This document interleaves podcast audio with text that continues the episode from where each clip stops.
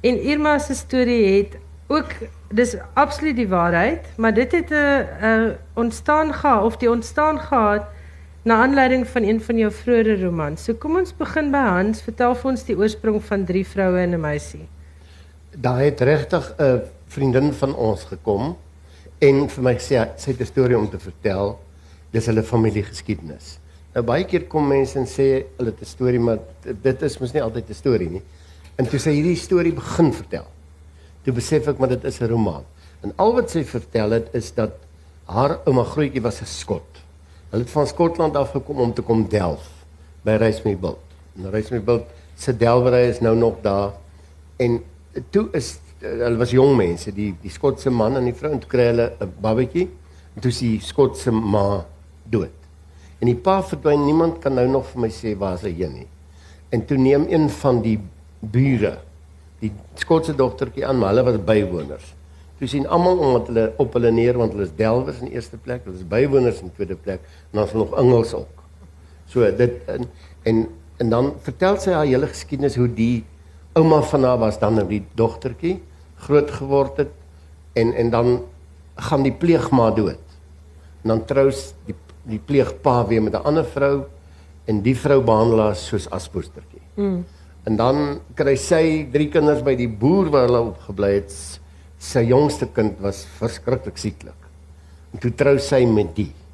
En hy is toe ook dood. Toe sit sy met die drie kinders. Toe kom haar ou wat die dorsmasjien ry. En hy hulle het mos so van plaas tot plaas gery met die dorsmasjiene.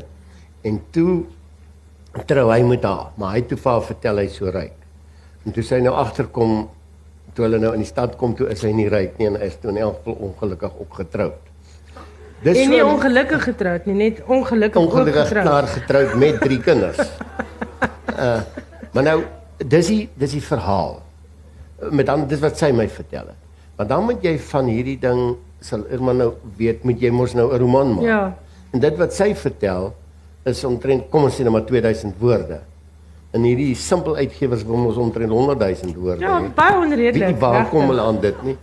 Dan moet jy nou van hierdie ding 'n 'n 'n roman maak.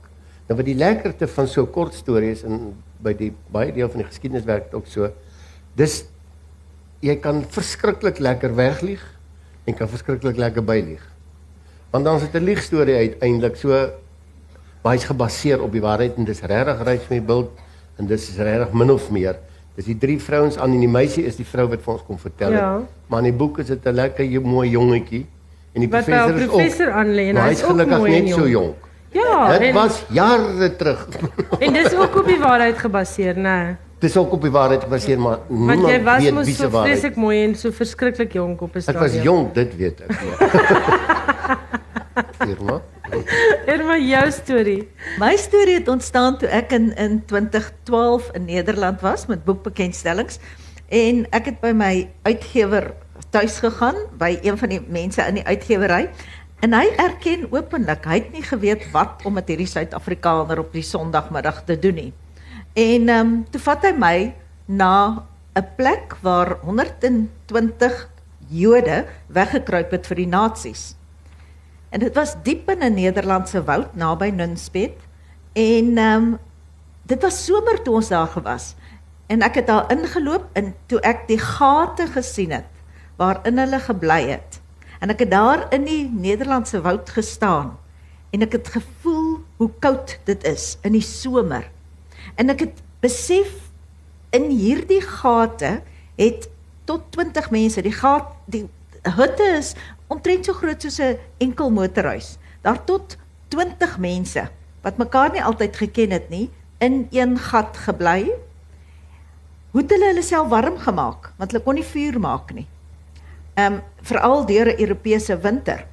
Waar het hulle kos en water gekry? Wat van sanitasie? Hoe op aarde hou jy kinders stil in 'n gat dag in en dag uit? Nie vir 'n paar weke nie, vir 18 maande lank. En terwyl ek daar gestaan het, het ek besef dit is 'n storie. Ek wil 'n kind in daardie plek insit. Maar ek skryf eerstens vir 'n Suid-Afrikaanse gehoor. So ek soek 'n Suid-Afrikaanse koneksie. En net die volgende naweek gaan ek tuis by Dorinke de Vries. Vertaal sy jou boeke ook? Dorinke. Nee, myne is Bart Bert Aquarius vertaal vir my. Ehm um, en en sy is my vertaler en sy weet toe seker ook nie wat om met my te doen op 'n Sondagmiddag nie. En toe neem sy my na die Oosterbeek begrafplaas waar die valskermsoldate wat ingespring het 10000 van hulle en minder as 2000 het uh, oorleef uiteindelik begrawe lê. En sy vertel vir my van die slag van Arnhem. En tussen daardie grafstene sien ek toe ook Suid-Afrikaanse vanne. En toe besef ek, maar daar was Suid-Afrikaanse valskerms, springers wat hier ingespring het. En dis waar die storie vandaan gekom het. En ek kan julle sê dit is 'n aangrypende storie. Uh ek is versot op Menke. Sy herinner my bietjie aan Gretel van Tussen Stasies. En dit was my interessant dat julle dit albei in julle boeke kinders gebruik ook as deel van die storievertellers. Was dit met opset? Myne was beslis met opset want ek vind om uit 'n kind se perspektief te skryf het jy sekere voordele. Ten eerste beperkte insig, met ander woorde jy kry die waarheid, die reine waarheid. As ek vir my kleindogter vra, ehm um, Hanna, dink jy ouma lyk 'n bietjie vet in hierdie rok? Dan sê sy vir my ouma, ouma is vet. So dit is ja. En dis wat ek soek by 'n kind, nê. Nee. Tweedens, 'n kind kan eintlik trauma makliker hanteer as volwassenes want hulle besef nie al die gevolge nie. As mens byvoorbeeld verhuis, is jy altyd bang hoe gaan jou kinders aanpas? Binne 'n week het hulle nuwe maats en 'n nuwe skool gemaak, is alles baie lekker. En jy sukkel na 'n jaar om nog ingeskakel te kry, nê? Daar's geweldig baie voordele aan 'n kind se perspektief. Ook veral as jy uit die oorlog skryf, jy hoef nie alles so geweldig op sy naam te noem nie, want die kind besef dit nie alles en die kind sien dit nie alles nie. Hans, jou redes? Ek dink dit is baie dieselfde, dis daai eerlikheid wat wat 'n mens by die kinders kry. En dan daar's daar's 'n na naïwiteit wat natuurlik 'n deel van die kind is. Met ander woorde, jy kan baie van jou eie naïwiteit inskryf. En en jy kan oordeele uitspreek wat deur kinders wat jy eintlik nie deur groot mense sal kan uitspreek nie. Om as gevolg van daai eerlikheid, ek vra nou nie vir my kinders hoe lyk ek nie want hulle sal my antwoord. Ek het sy kinders ontmoet, hulle sal. Hulle sal nie. Hulle sal definitief. Hulle is nog bylas ook. Ehm Nee, ek dink dis daai eerlik en dan natuurlik daar's daar's 'n eenvoud in hulle taalgebruik Ja. wat ook vir my lekker is. Jy hoef nie sulke lang sinne te skryf nie, jy kan korter sinne skryf. En jy kan woordeskat gebruik wat wat die ding baie beter illustreer as wanneer jy deur 'n groot mens se perspektief kyk, dink ek. Maar dis ook moeiliker. Want ehm um, daar's mos daai onding van mense wat jou vra om vir hulle kinders debatstoesprake te skryf. Ja, ja. Ek's 'n klaaglike mislukking want ek kan regtig nie op 'n graad 1 vlak ehm um, skryf nie. Hoe hoe oorkom julle dit? Want dit is regtig waar besonder. Julle het die kinders se stemme vasgevang. Julle het hulle belewenis baie erg oorgedra. Wanneer kinders met my praat, en ek praat nie net van my eie kleinkinders of of wat ook al, ek mos nou baie vriende met kleinkinders en so aan, dan luister ek wat sê hulle. Nee, ek luister nie altyd wat sê hulle nie, ek luister hoe hulle dit sê. En ehm um, mens kom op jy weet in graad 1 praat 'n kind min of meer so en dis wat hulle verstaan. Terwyl in graad 7 begin hulle dit en dit al verstaan. En ek dink as mens net in kontak bly met kinders, maar jy luister veral na die kinders wat vir my as gehoorgestremde 'n bietjie moeilik is, maar kinders praat ten minste baie duideliker as groot mense. En heel wat harder. Ja, heel wat harder, ja. en as hulle nie hard genoeg praat sê jy praat mooi hard. Ehm um, is dit eintlik redelik maklik. Dis my makliker byvoorbeeld om uit 'n kind se oogpunt te skryf as uit 'n man se oogpunt. Want jy weet ek verstaan hoe dink 'n kind. Ek weet nie altyd of mans dink nie. Daar's 'n baie dik boek beskikbaar. Hierdie feminisme moet nou enkry. Ek het nou Nee, moeg. Hans, ek gaan regtig dadelik vir jou opkom en sê daar's so dik besk boek beskikbaar oor hoe mans dink. O, Ja, is okay. regtig so. Ja, daar's een so en vrouens op, maar hy's wit bladsy Dis binne. baie baie baie makliker verstaanbaar Hans. Okay, jy wen. Ehm um, vertel gou vir ons is jou kleinkinders want ek weet julle ehm um, was weer Desember saam by die see. Is dit jou klankborde in jou Ja, dit is Jou soos- bronne. Dis soos Irma sê, 'n mens luister want jy hoor wat hulle sê en jy kan jy kan 'n waarnemer wees sonder om deel van die gesprek te wees. Mm. Maar jy sê nou van die toesprake, ek het vir my tweede oudste kind. Dis nie baie goed met woorde nie. En toe hy in standaard 4 is, toe het ek die opstel geskryf.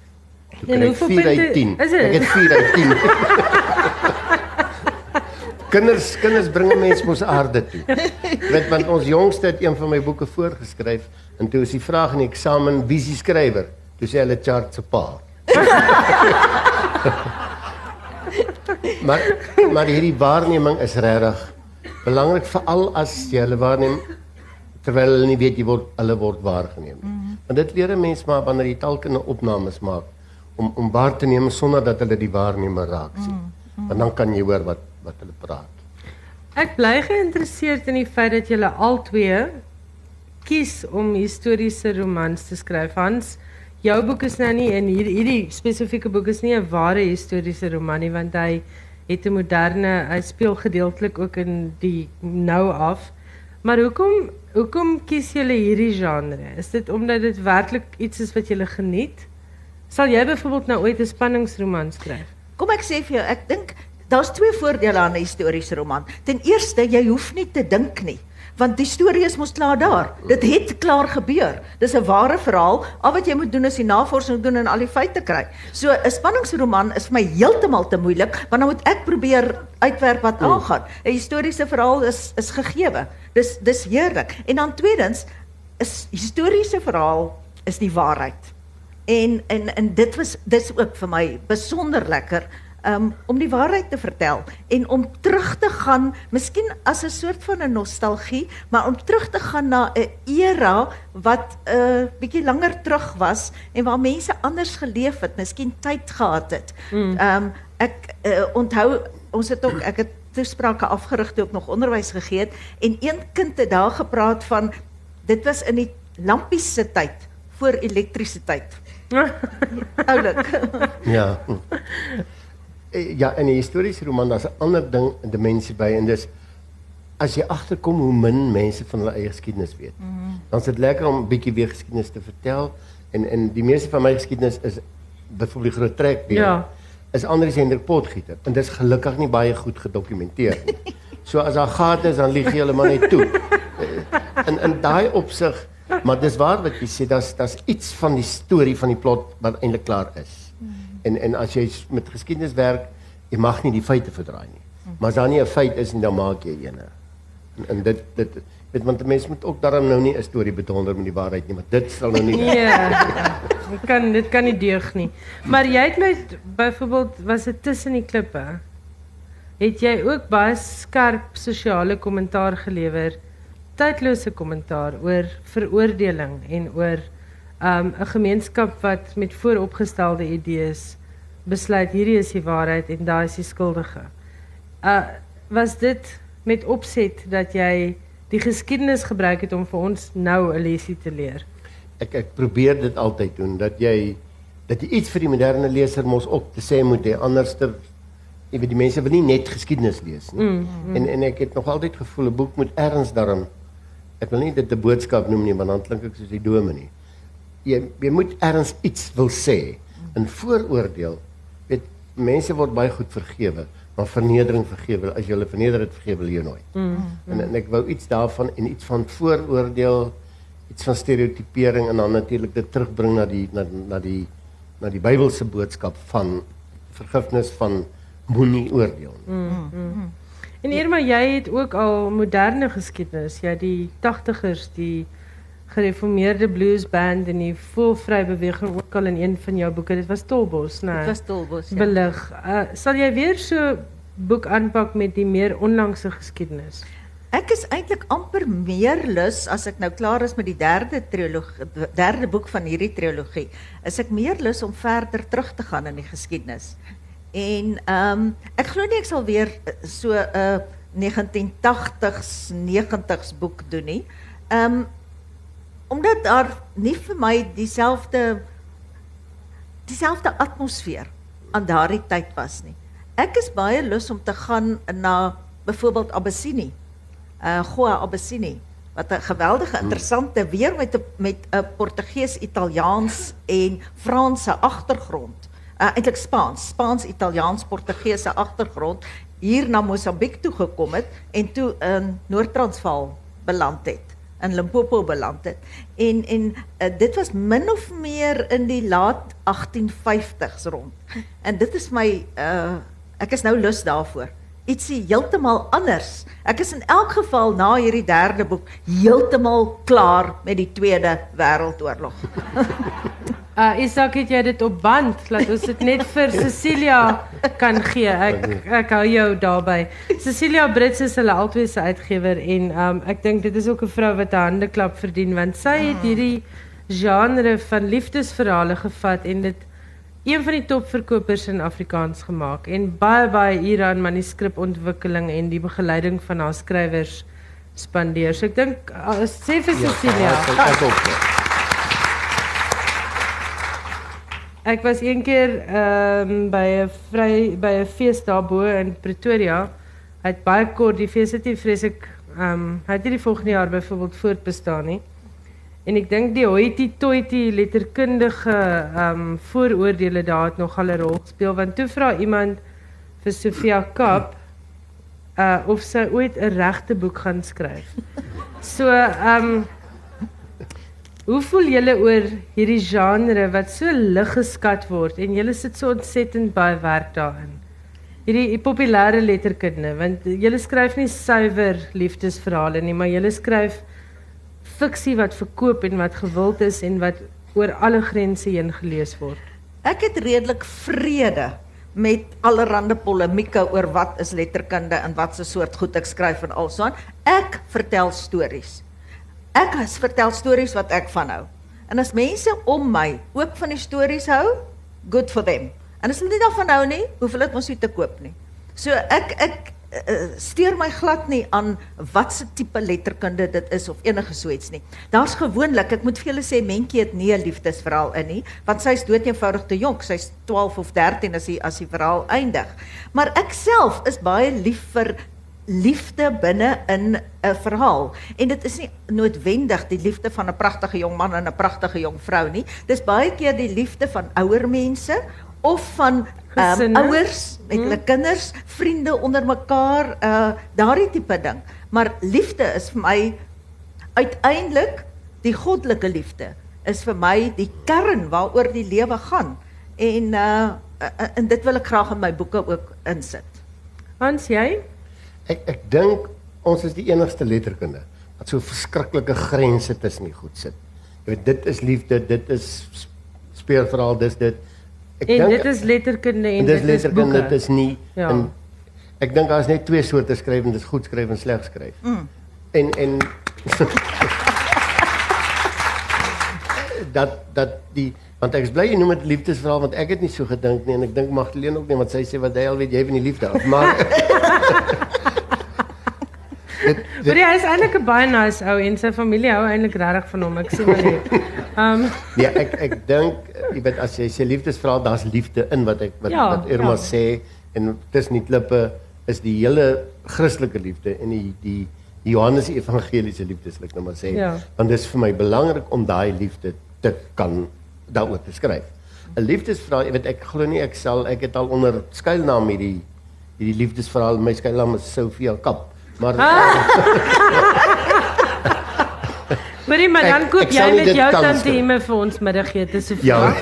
Um Nee, met ander woorde uh, uh, ek dink in albei se ons gevalle is dit verhale met liefde in, laat ek so sê. Mm, dis nie 'n mm, liefdesverhaal nee, in die genre ja. fiksie sin van die mm, Ja, dis nie 'n tradisionele liefdesverhaal nie.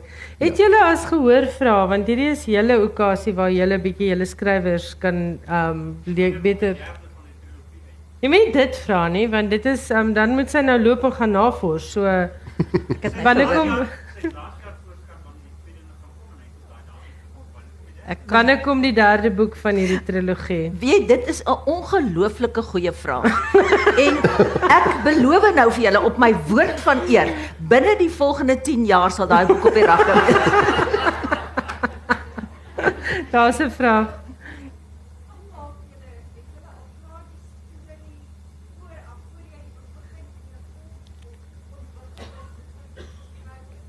Dit is 'n belangrike vraag. Hoe werk die skryf van 'n roman? En uh is, die dame wil weet, het jy die storie vooraf in jou kop of hoe werk jou beplanning? Plot jy werk julle mind maps uit uh of gaan sit jy en dan stap daardie geheimsinnige vrou die misse in en jy skryf totdat die bloed uit jou voorkop pers? Nee, ek is heeltemal te lief vir 'n storie. So ek wil as ek 'n storie hoor, ek luister na stories, mense se stories en dan hoor ek 'n storie soos Mentjie se storie of Tina se storie en dan wil ek weet hoe dit eindig. So my hele storie bestaan in breë trekke voordat ek begin skryf. Maar daarna, wanneer 'n mens navorsing doen en die navorsing moet ek vir julle sê is vir my die lekkerste. Ek weet nie van Ja, jou nie, ja, prof. Dis definitief. heerlik om uh, mens ontdek so baie goed. Dis nuwe stories heeltyd wat jy ontdek. Dis absoluut heerlik. Maar dan begin jy sien, maar wag 'n bietjie, hier draai afdraai paadjies en so aan, sodat jou storie in uh, aan die einde geweldig baie drade het wat jy net moet sorg dat jy alles weer vasvang, nê? So ek dink amper die in my geval is dit 'n breë storie met 'n slot wat ek wat ek reeds weet. Ehm um, ek moet weet waar eindig ek want dis waar ek moet begin.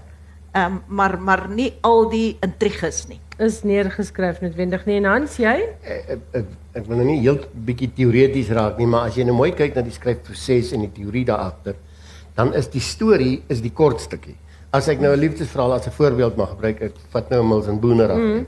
Dan's die storie man ontmoet meisie, jy weet op bladsy 1 beklei hulle bladsy laaste vry hulle intussen is 42000 woorde. Om hulle uitmekaar te hou. En en dis die storie, maar dis nie die plot. Ja, ja. Met ander woorde die storie is wat die my die vriendin van ons vir my vertel het. Maar van daai storie moet jy dan 'n plot, jy moet leer plot. Maar dis terwyl jy skryf. Ek doen nie dit jy weet ek doen dit so soos wat jy nou sê, jy het so vaagweg 'n idee. Maar die storie moet homself op 'n stadium begin skryf en die oomblik as dit gebeur, dan sit jy in plot. Dan ek doen dit amper toneel vir toneel uiteindelik. Wat gebeur nou en dan moet jy plotpunte hê dat daai deel anders gebeur dan niks in die boek nie. So jy En- doen en dis- plotpunte. En by the way, nee, dit loops. Moenie vir my by die taalpolisie gaan rapporteer nie. Plot is 'n plot is 'n plot. Daar is die Afrikaanse woord daarvoor, nee, ek reg. Ja, nee, die, die plot is die plot. Goed. Uh, ons bly ook op 'n plot. Dit is Maar vertel gou daai daai punte wat jy uitplaat. Dis vir my interessant want nie baie baie Afrikaanse skrywers doen dit nie. mense moet ook nou mooi verstaan waar doen jy dit? Mm -hmm. Ek eh, dit hang van 'n mens se geaardheid af. Party skrywers wat ek ken, plot punt vir punt. Ek nie. Ek ek sit met 'n rolwelplot en ek het die 'n boek op 'n stadium geskryf nou sit ek en PG Du Plessis selfs ons het nooit mekaar se goed gelees nie, maar ons het altyd geweet wat doen die ander ou. En mekaar gekritiseer. En toe wil niemand die boek uitgee nie. En toe sê PG op 'n dag, maar jy het nie 'n plot nie. Toe sê ek, man, jy het nie die boek gelees nie. Wat weet jy? toe verduidelik hy vir my wat 'n plot, toe kom ek agter ek het nie 'n plot nie. Maar ek het 'n storie gehad. En en een groot gevaar ook by die historiese roman is dat jy 'n boodskap wil verkoop en nie 'n storie wil verkoop. Jy moet 'n storie verkoop. Jy is nie besig om propaganda te skryf of 'n uh, strooibiljette nie, jy moet 'n storie vertel. En daarom is die storie is vir my die korter weergawe. Die plot is dan dit wat jy invul soos wat jy skryf. Nou party skrywers dink ek doen dit vollediger. Ek is nie ek is nie so 'n detail mens dat ek dit volledig kan doen nie. Maar daar's vir my 'n verskil tussen die storie en die plot uiteindelik. En ook Afrikaanse skrywers het nie die luukse byvoorbeeld van 'n ek het ek het nou die ou se naam vergeet, baie bekende Amerikaanse spanningsskrywer. Ehm um, ek dink is John John Deaver is 'n skrywer. Jeffrey Deaver. Ek het 'n uh, gesprek van hom bygewoon in Johannesburg en hy vertel toe vir ons dat hy 'n raadsaal groot studeerkamer het met witborde regom waarop hy um, nie net biografieë skep vir elkeen van sy karakters nie, maar waarop hy plot en sy plotproses duur 9 maande. Mm. En sy skryf van sy roman duur 3 maande. Maar jy het nie daai vryheid nie, want 'n mens kan nie van skryf leef in sy in Afrikaans nie. Ja, So- maar party van mense is afgetree. Ja. En party van ons leef van ons man se pensioene, né, Irma? Ehm Nee, uh, ek ek dink amper dit is wat 'n mens doen, miskien op verskillende maniere. Ja. Ek sal byvoorbeeld 'n karakter uitwerk en dit vir my 'n 'n 'n file maak in my in my rekenaar om te sê dit is hoe mentjie is. Ja. En as ek elke keer dan gaan ek terug na hoe is sy? Ek leer haar ken uit my navorsing voordat ek begin skryf. Die selfde met Tinus. Nou Tinus het so twee keer verander en dan moet ek teruggaan en kyk maar is dit gemotiveerde veranderinge? Ehm um, en so ook vir al jou bykarakters, moet jy in werklikheid elke ene neerskryf want anders gaan 'n mens uh karakters kry wat nie uh, Vertroue is aan hulle self. Absoluut, wat Mm. ongemotiveerd is. En dan wil ek by sê, ek dink hierdie wat professor Hans genoem het en nou noem ek hom prof Hans want hy het my geleer skryf, is geweldig belangrik. Jy weet baie mense glo hulle moet net die storie skryf en hulle kan skryf en ek wil skryf. Maar voordat ek begin skryf het, het ek na prof Hans se skryfskool toe gegaan en verskeie kursusse bygewoon. En hierdie teorie agter skryfwerk, dink ek moet nooit onderskat word nie. Jy kan nie van my 'n atleet maak omdat ek nie ehm um, uh, talent het nie. So jy kan ook nie van enige iemand 'n skrywer maak wat nie talent het nie. Maar 'n persoon met alleen talent Kom gaan dit nie dit dit is te min. Jy het die teorie daar agter nodig. Jy het 'n afrigter nodig. Hans, Ja, jou maar dan word die studente baie beter skrywers as die onderwysers. Dis die probleem, hulle verkoop ook nog meer boeke. So Irma, kan jy asseblief net 'n boek onder Hans se naam skryf dat hy tog net dat ek ook net kan bykom net asseblief. nee, ek dink wat Irma sê is baie waar uh en en daai hele ding van talent, talent is 1%. Maar sonder dit kan jy niks doen nie. En die ander 99% is ongelukkig moeite in verdriet. So maar maar jy kan mense jy kan nie talent gee nie, maar jy kan hulle die die die afronding, jy kan begin Ja. redigeer, jy kan hulle leer redigeer. Dis eintlik wat jy leer. Daar's ook wonderlike boek beskikbaar, boeke beskikbaar. Ek het bes, byvoorbeeld besluit ek wil historiese fiksie skryf. Nou is daar 'n 'n boek um Writing Historical Fictions for Dummies. En die ander ene is How to Write, write Historical Fiction. En en daardie tipe goed is my geweldig belangrik want dit gee vir jou riglyne. Anders spring 'n mens in en jy verdwaal. Jy's jy's in 'n modderdam en jy weet nie waar jy gaan jy nie.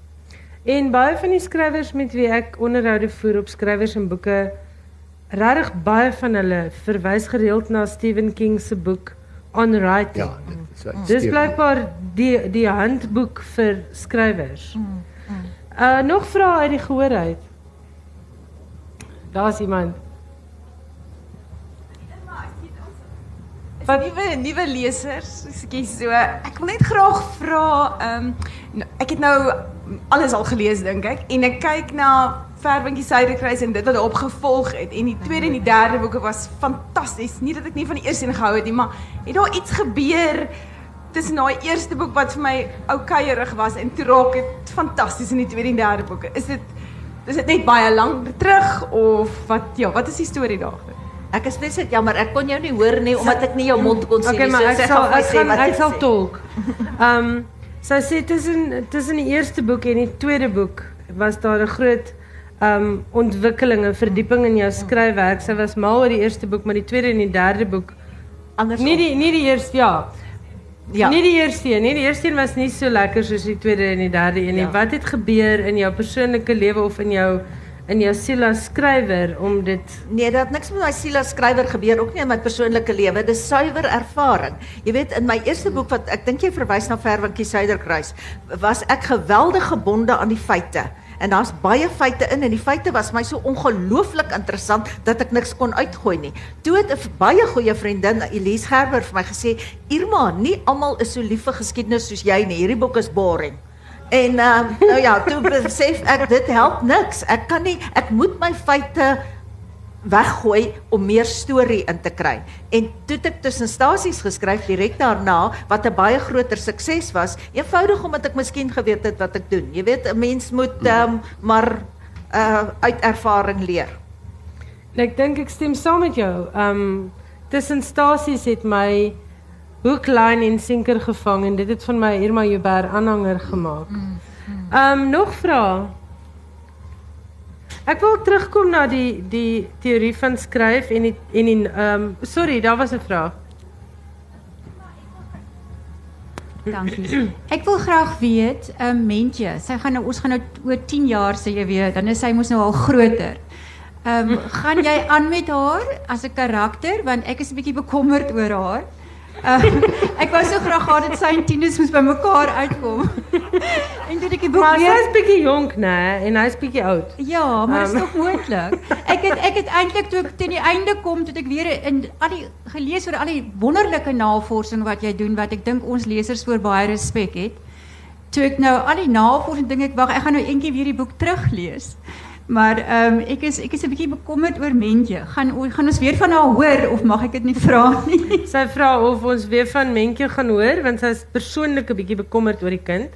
Um en sy wou eintlik baie graag hê Mentjie en Tinus moet bymekaar kom en is dit miskien ietsie wat jy in jou boek oor 10 jaar Ja, gaan kan ek net by sê en dan kom hy Hollandertjie aan die einde van van Mentjie ook nog tussen en Ja. ek is bang hy vat daai. Ja, en ek bedoel die kind, man, sy het soveel trauma deurgegaan. Gaan Ja, daar 'n happy ending wees? Heel wat jy elke keer as mense 'n boek klaar geskryf het, dan wil die lesers weet maar ehm um, gaan hulle weer terugkom. Hulle gaan wel weer terugkom, maar nie as hoofkarakters nie. Die derde boek gaan oor 'n Skotse verhaal en dan ehm um, wat uiteindelik in Botswana land of dan Botswana eindig. Maar jy weet uit Immerwes is daar ook nog losdrade. Ehm um, byvoorbeeld daardie arme Oscar, Hildegard se stiefseun, die sit nog al die tyd in Siberië. Hy het teen die tyd al heeltemal vereis. Ek moet hom gaan haal daar. Ehm Soveel mense het my voor voor mentjie gevra, hoe gaan dit met uh Gustaf en en Hildegard? Ehm um, dieselfde met Mentjie. Nou ek dink Mentjie gaan regkom want Mentjie is 'n astrante dogtertjie. Ek het eintlik vir Tinus 'n bietjie begin jammer kry want jy weet Mentjie is nou eens in die begin van haar tienerjare en sy het begin astrant raak al klaar. So uh, hy sal moet haar 'n bietjie strenger hanteer. Ehm um, of sy en Tinus bymekaar gaan uitkom weet ek nie. Ehm um, ek weet wel wat gaan met klein Esther gebeur want dis nou vir my ook 'n lekker karaktertjie daar. Ja, sy was pragtig. Ja, Onderwys sy, dis reg. So sy kom beslis in die derde boek. Mentjie sal beslis terugkom. Maar ek en, en wie julle wat wie gaan ek ook terugbring dink ek is Henk. Was Henk nie vir julle 'n pragtige karakter nie? Ja. So ek dink hy kan ook bietjie groot word en ehm um, maar ek sou nie te bekommerd wees oor Mentjie nie. As sy die pas op kamp kon oorleef, gaan sy Tinus se plaas oorleef, hoor. En sy sit in 'n beter klimaat. Jy moet iets doen aan Oscar voordat hulle vir hom inploeg in Ja, daai Siberiese pad. Dit is regtig. Sal nog 'n vraag. Ek wil weet van hierdie ding want dit Daar het is iemand, oh, daar vrae. O, ekskuus, daar. Sjoe, ek wens ek kon nog so hardloop. Wow. Val jy kan die mikrofoon hier na vat, dan kyk ons. Ekskuus, ek wil net nog vra oor die navorsing en oor daai skryftegniek. Doen julle eers al die navorsing klaar en begin dan skryf of is dit so stuk stuk?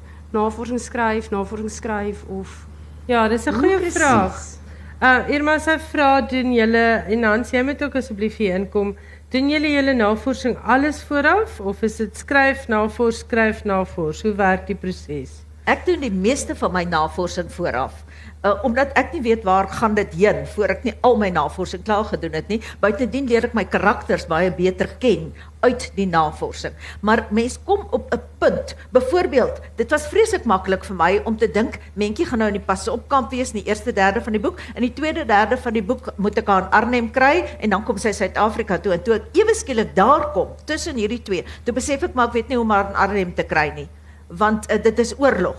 So ek moes haar op 'n manier in Arnhem kry. En toe moet my vertaler wat my eintlik baie help met navorsing ook, moes toe vir my help om te dink, hoe gaan ons hierdie Nederlandse kind in die middel van die oorlog in deur 'n oorlogsgetuisterde nazi-beheerde gebied vat tot in Arnhem. So daai stukkie navorsing kom dan later by. So daar kom klein stukkies by by my, maar die hoofnavorsing is heeltemal klaar voor ek begin skryf. Hans? My navorsing dink ek loop meer saam met die storie. Met ander woorde jy jy kom op 'n punt uh, ek praat nou byvoorbeeld van die nuwe boek, dan kom jy agter maar die delwers moet nou 'n sif gebruik. En dan jy in jou navorsing nie regtig agtergekom wat se soort sif werk vir wat nie, dan moet jy teruggaan weer navorsing doen en die goed werk vir my heeltyd met mekaar. Mm, mm. Want 'n storie loop ook sy eie pad, jonge, uh, weet as die mens die karakter gaan ook sommer partykeer dood hier in die middel van die boek om jou aan en gaan soek. Heeltemal onverwags. En dan met ander woorde ek by my loop die na ek doen die basiese navorsing voor die tyd want jy weet in watter tyd jy hom wil plaas. En jy weet wat die omstandighede moet wees. Maar dan kom jy soos wat jy skryf, die heeltyd agter op 'n ander stuk geskiedenis wat jy nou nie ken nie, dan moet jy weer gaan kyk en jy moet weer gaan navors en byvoorbeeld gaan kyk wat het die mense daai tyd aangegaan. Want dan kom ek by die by die karakter en dan wil ek iets om iets aantrek of waar iets aantrek of uittrek. Uh en dan hoe omdat jy daar kom kom jy agter maar jy weet nie presies.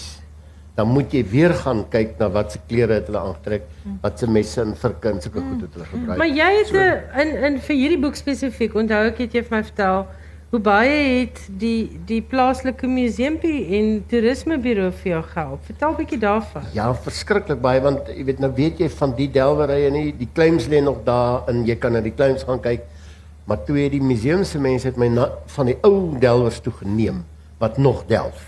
Mm. En onthou daar's 'n groot verskil tussen myn en delf. Mm. Myn kruip jy in 'n gat in en delf klim jy net in die gat en jy klim vanaand weer uit. En hulle het verskillende soorte siwe. En die museummense het gekom in ek het hulle gaan vra toe neem hulle my mm. na van die delwers toe en dan wys hulle vir jou byvoorbeeld die laaste stif moet jy op 'n sekere manier sif. Hulle noem dit gravitate. As jy dit verkeerd doen dan gaan die diamante nie af nie want die laaste sif keer hulle dan om en lê die diamante bo. Uh met ander woorde jy moet dan daai goed en dit moet 'n mens op die plek gaan kyk waar hulle dit gedoen het. En jy moet dit kan beskryf, né? Nee? Jy Jy moet dit kan beskryf en jy moet weet hoe lyk porrel. Jy weet ek het gedink dis ja porrel is die water wat hulle die uh die die diamantgruis in was. Mm Mhm. -hmm. Maar porrel moet gemeng word want hy moet 'n sekere dikte hy lyk vla uiteindelik. Jy kan sommer net water bygooi. Dit is water in, in modder, maar dit is 'n sekere dikte anders wanneer wanneer die diamante loop na die kante toe. Maar net as dit as die porrel reg gemeng is. En dis So- hoekom hy delwers ook so vuil was want ons almal hulle die hele tyd van die porrel bespat mm. want hy werk heeldag in daai Modder. in daai modderwater. Mm. En, En dit moet jy gaan kyk. ja, en jy moet ook 'n manier vind om dit vir ons as lesers te beskryf dat ons dit half kan sien voor ons oë. En vir my is dit maklikste om dit self te gaan doen. Mm. En as jy saam met hierdie myn ag saam met die museum mense gaan, dan ken hulle altyd iemand wat dit nog kan doen. Mm. Dat hulle kan hulle sit dan gee vir jou die sif in in vat 'n uur om vir jou te verduidelik. Jy kan dit in elk geval nie doen nie, wys hulle vir jou hoe. Maar jy moet daar sit en voel hoe voel dit mm. om dit te kan beskryf in my geval. Mm. Maar jy kan dit nou doen ek ek het selfs met van die groot trekboeke in Ossewa gaan klim. En net daar gelê en gedink nou hoe voel dit? En en dit voel nie lekker nie. Voel byvoorbeeld baie warm sonder 'n ligversorger dink ek. ja ja, in die bed het nie vere nie. Dit is dis, dit is hard. Ehm um, wat ek wou gesê het vir die mense wat dalk nou nie die Wes-Transvaal ken nie, dis Hans se grootword plek en jy bly nou al baie baie jare in Potchefstroom en ek het self in Christiana gebly voor Johannesburg en tussen Potch en basies seker uh Christiana en nog verder is daar nog delwers. Daar's nog mm. baie mense wat met die tradisionele metode op klein skaal delf. Daar is 'n paar groot delwers. So jy is eintlik in die perfekte plek gewees om hierdie storie te kon navors. Ja, want hulle daar is nog van die mense wat die claims nou weer begin werk op die ou manier. Mm. Ja, daar is van hierdie groot ouens wat met die back actors werk. Mm. En dis reuse masjiene. Maar wanneer hulle verby is, kom die ander oudjies Dan weer kom hulle agterna. aan ja, en ek loop ook aan soek vir die goed maar kry niks. Maar jy loop aan die claims loop so skop skop lê net kan sien maar dit help niks. Maar maar daar is nog baie mense wat in 'n claim werk. Vertel vir hulle daai mooi storie van van die riewe. O, Hoe het PG vir jou tereggewys het. Ja, want hy sy plaas is vol claims dit waar hy nou gewoon het. Is is heelwat van die delwerye in die claims nou daar en hy ken al die terme. En en ek het probeer om die terme regtig in te sit en op 'n stadium uit 'n boek tussen die riewe. En ek het nie geweet wat se ding is 'n riewe nie. En ek sê vir hom, weet nie nou wat's riewe? Hy sê maar jy wat weet jy, jy weet niks. Dis die rief waarop die harde kom. En as jy nou nog nie eens 'n riewe ken nie, wat wat skryf jy 'n boek? En waar ons kom het hy vir die mense vertel, ek weet nie eens wat riewe nie. en as hy nou nog gelewe het, hy nou nog dit vertel. Met met smaak, né? Mm, Net met gaan smaak. advertensieflits doen as jy nou hierna geweldig geïnspireerd is om te gaan leer skryf. Die ATKV skryfskool wat by die Noordwes Universiteit aangebied word, dink ek is van 4 tot 9 uh, Junie hierdie jaar, né? Ek dink ja. Daar's nie meer 'n April skryfskool nie. Hulle het nou 'n lekker winter skryfskool en Hans, jy's weer betrokke. Uh ek weet Jaco Kirsten is daar om te praat oor rubrieke. Um en daar's Etienne van Heerden is Etienne daar. van Heerden is daar, wie's nog daar? uh, Vermeulen, Jan Vermeulen. Jan Vermeulen wat nou uh, sy, sy ja. eerste maar het nou eerste fantastiese volwasse spanningsroman. Jy moet hom gaan koop sommer vandag nog. Hy is dink ek verlede week van die drukpers af. Ek het die uh, manuskrip um, gelees, die vyfde aspoester en Jan gaan nie net beïndruk en bekoor en bekroon word as jeugboekskrywer nie, gaan lees daai spanningsroman. Dan is wie nog daar's 'n digter, Bernard is daar, Bernard Odendaal. Bernard Odendaal en dan is Frans Greiling is natuurlik daar. En is Joylyn Phillips of iemand daar? uh, uh, Walda Jansen is. Walda Jansen is en daar. dan is daar nog digter maar nou Ja. ek kan ek nie onthou wie Maar dit is. maar asseblief as jy voel en onthou nou hier sit Irma as 'n inspirasie vir ons almal. Jy het op 60 begin skryf, né? Nee. Ja. Ernstig professioneel en voltyds begin skryf. So niemand in hierdie gebou is te oud om te gaan leer skryf nie. Hans hulle hou baie lekker skryfpartytjies daar in Potch gaan maak 'n draai. Um en ek dink amper jy kan jou jou kursusgeld, daar's 3 pryse op die spel wat jou kursusgeld en jou akkommodasie borg. So skryf in die inligting is by die Potchefstroom um departement. Wat staan wat wat die um by die skryfskool ja, se op die web webwerf. ATKV skryf Ja. se webwerf, ja. Ons het tyd vir een vraag want dan gaan hulle die ligte afskakel en die deure oopmaak en dan moet ons loop. Um het iemand nog 'n vraag? Daarso. Jammer, opvolgvraag. Opvolgvraag. Ja, oor die navorsing. So, hoe lank neem dit om daai navorsing vir die boek te doen? En dan as jy skryf 'n tweede vraag of wanneer jy begin skryf, tweede vraag. Skryf jy dan voltyds soos 'n 8 tot 5, soos 'n voltydse uh, iemand wat in 'n voltydse werk staan of is dit nou maar hier en daar los skryf of gee jouself 3 maande of 6 maande en dan moet die boek klaar wees of hoe werk dit? Goed, um basies hoe werk die navorsing? Hoe lank neem die navorsing? Dit is die die eerste deel van die vraag. En die tweede vraag is 'n baie goeie een want ek dink mense besef dit nie. Is dit 'n 8 tot 5 werk of hoe skryf jy? Um is dit ietsie wat jy af en toe doen as jy geïnspireerd is of is dit 'n job? Ehm vir my is dit i- iets wat ek af en doen toe doen as ek tyd het. Ek hoef nie geïnspireerd te word nie, stories is klaar daar. Die liewe Vader het vir my 'n skryfkop gegee, 'n 'n storiekop.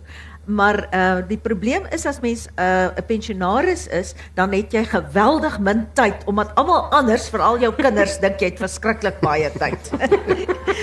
my navorsing vat vir my baie lank.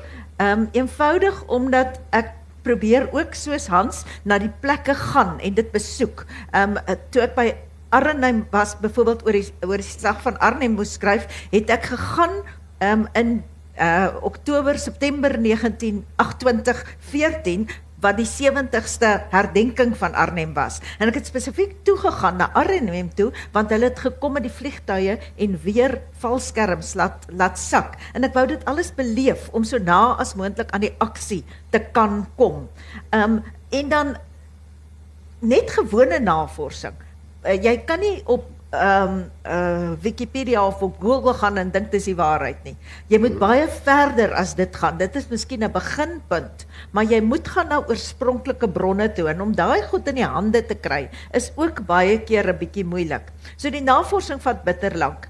Ehm um, en dan hang dit af uh Jy weet partykeer skryf 'n boek makliker of dele van 'n boek skryf geweldig maklik. En dan kom jy op 'n deel wat jy gedink het gaan maklik skryf en dan en dan word dit geweldig moeilik. Byvoorbeeld toe ek die een van die slaggitte die die veldslae moes beskryf, toe sê die persoon wat my help met die ehm um, met die krygs krygskunde, ehm um, Louis sê toe vir my, "Maar Irma, as jy in die nag 'n veldslag het, dan gaan jy vir kopskote." En dit was my verskriklik om te dink jy bekruip iemand en jy gaan vir 'n kopskoot. En ek het geweldig gesukkel om daardie tipe goed geskryf te kry. So dit, dit hang alles af van ek weet nie nie alle skrywers het 'n muse nodig nie. Party het net tyd nodig en dan 'n bietjie insig en so aan, jy weet. Uh, die inspirasie is buitendien daar. Hans, hoe benader jy dit? Navorsing is vir my baie meer 'n deurlopende ding. Omdat geskiedenis deel is van my stokperdjie, lees ek in elk geval geskiedenis. En jy lees dit al jare. En jy Dis lees nie 'n ja, nuwe ding dit is nie dat ek dit as jy met 'n sekere boek besig is, dan is daai navorsing, maar jy kan nooit sê hoe lank dit gaan wees nie. Want jy kan ook nie so lank vat 'n boek nie. Uh, dis die uitgewers besluit hoe lank vat jy voor jy die boek gee. Hulle sit in kerm oor die boek. Maar jy kan nie regtig sê hoe lank nie. In my geval nou vandat ek afgetree is, dit is verskriklik lekker om afgetree te wees. As ek na matriek geweet het, dan het ek dit toe al gedoen. maar ek probeer min of meer vir my kantoorure nou nie regtig nie, maar ek probeer regtig veral as ek besig is met die boek, as ek aan die skryf is. Dan moet ek sit dat ek die jy weet dan dan is dit vir my amper 'n kantoorwerk. Maar dis 'n luukse wat lekker mense werk. eers het as jy afgetree het Ja. voordat jy dit mos nou nie gehad nie. En dan natuurlik die kleinkinders is pestilensies moet tyd, jy weet, hulle verstaan ons tyd glad nie. So dit in die kinders hulle hou ook- konserte en gaan see toe en Hulle hou konsert dan is nog altyd in Engels ook en toe het ek nou eendag my kaartjie teruggegee en sê ek sal nie luister vir 'n Engels. Maar weet jy, ek wil 'n ander ding sê wat ehm um, Piegie gesê het op een van die skryfskole wat ek by was. Hy het gesê as jy wil 'n uh, kontinuïteit in jou skryfwerk hê, moet jy reeds 2 boeke vooruit wees. Met ander woorde, as jy besig is met hierdie boek, moet jy al weet wag oor gaan daai een en jy moet al 'n idee hê. Sodat as jy 'n bietjie moeg is vir hierdie ene wat mense raak moeg vir die karakters, hulle irriteer jou later, dan ehm um, kan jy lank navorsing doen vir die volgende boeke en dit werk vir my baie goed. So hierdie is die twee boeke wat jy moet gaan koop. Dis Hans Du Plessis se Drie vroue en 'n meisie en Mentjie kind van die Pasopkamp en as jy nog geld oor het, koop die 5de as poester en Isak, jy kan my nou-nou betaal daarvoor. maar ehm um, dit was vir my heerlik om met julle twee te gesels. Julle is regtig 'n inspirasie vir enigiemand wat dink mense moet 30 en hard heap happening wees om te kan skryf. Ek geniet julle werk en dit was 'n groot voorreg om met julle te gesels. Baie dankie. Baie dankie. Dankie. Dankie. dankie.